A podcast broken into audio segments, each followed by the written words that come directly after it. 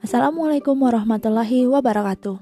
Bertemu kembali dengan saya, Nisrina Nurul Insani, di mata kuliah Pendidikan Keluarga Negaraan.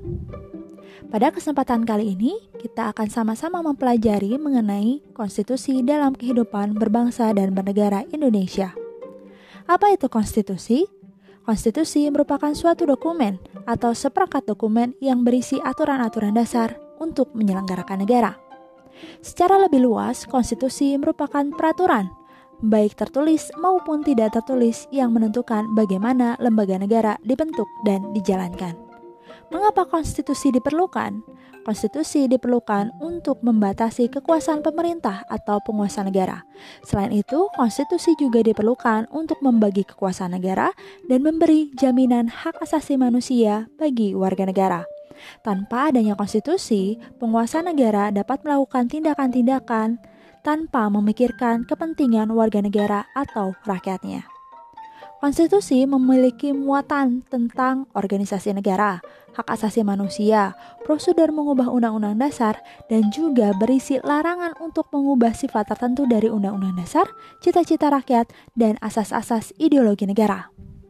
Dalam konstitusi kita, yaitu pembukaan Undang-Undang Dasar 1945 tidak dapat diubah.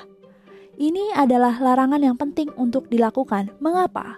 Karena dalam pembukaan Undang-Undang Dasar 1945 berisi mengenai cita-cita, tujuan, dan juga bentuk dan struktur negara Indonesia. Jika pembukaan Undang-Undang Dasar Negara Republik Indonesia tahun 1945 diubah, maka Indonesia bukan lagi Indonesia. Pada awal era reformasi, ada tuntutan perubahan Undang-Undang Dasar Negara Republik Indonesia tahun 1945. Mengapa ini bisa terjadi? Karena banyak masyarakat memiliki pandangan bahwa Undang-Undang Dasar Negara Republik Indonesia tahun 1945 belum cukup memuat landasan bagi kehidupan yang demokratis, belum cukup juga pemberdayaan rakyatnya, dan juga belum berisi mengenai hak asasi manusia. Hal ini sejalan dengan apa yang disampaikan para pendiri bangsa di awal pengesahan Undang-Undang Dasar 1945. Undang-Undang Dasar 1945 disahkan pada tanggal 18 Agustus 1945, sehari setelah proklamasi kemerdekaan 17 Agustus 1945. Dengan jangka waktu pembuatan dan pengesahan yang singkat, tentulah tidak semua aturan-aturan penyelenggaraan negara saat itu bisa memenuhi semua komponen kehidupan berbangsa dan bernegara yang demokratis. Di awal pengesahannya, para pendiri bangsa sudah menyatakan bahwa isi undang-undang ini, undang-undang dasar ini akan terus berkembang dan harus mengalami perubahan sesuai dengan kebutuhan bangsa.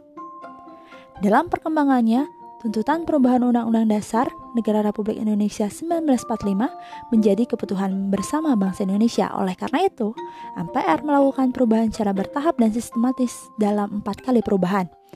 Keempat kali perubahan tersebut harus kita pahami bersama merupakan satu rangkaian dan satu kesatuan.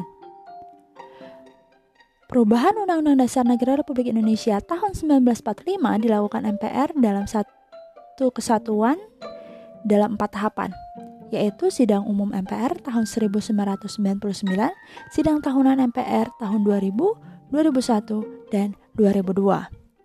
Awal proses perubahan Undang-Undang Dasar 1945 diawali dengan adanya ketetapan pencabutan ketetapan MPR nomor 4 garis miring MPR garis miring 1983 tentang referendum pembatasan masa jabatan Presiden dan Wakil Presiden Republik Indonesia, dan ketetapan MPR mengenai hak asasi manusia warga negara.